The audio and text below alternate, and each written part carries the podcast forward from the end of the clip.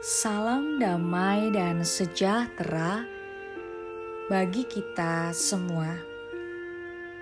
Saudara yang terkasih, hari ini kita akan bersama-sama merenungkan firman Tuhan yang diambil dari Amsal 8 ayat 11 dan 12.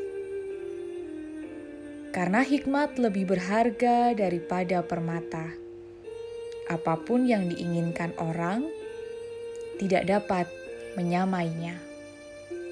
Aku, hikmat, tinggal bersama-sama dengan kecerdasan, dan aku mendapat pengetahuan dan kebijaksanaan.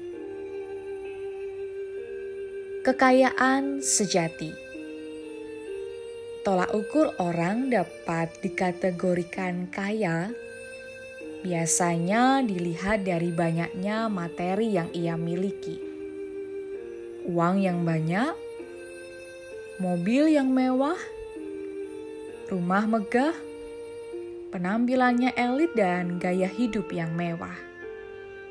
Mungkin itu yang sering kita bayangkan dan pikirkan ketika menilai bahwa orang tersebut kaya. Pada bacaan kita juga berbicara tentang kekayaan. Tetapi apakah kekayaan dalam kitab Amsal seperti yang saya sebutkan di atas tolak ukurnya?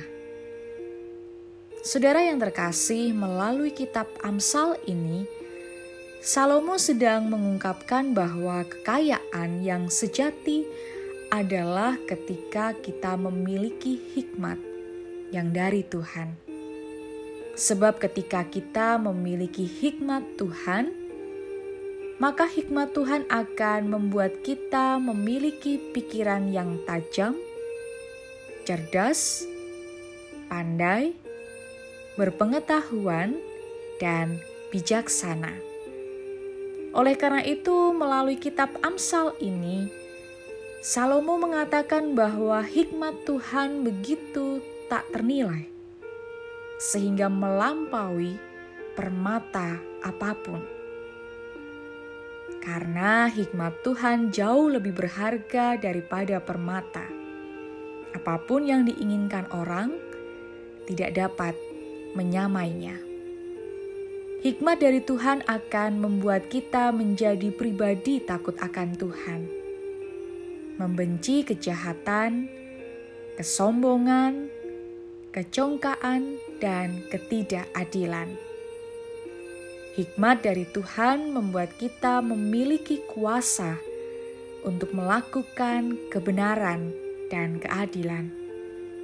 Tidak hanya tahu yang baik dan benar, tetapi melakukan kebaikan, kebenaran, dan keadilan. Itulah kekayaan sejati yang seharusnya senantiasa kita miliki di dalam hidup kita.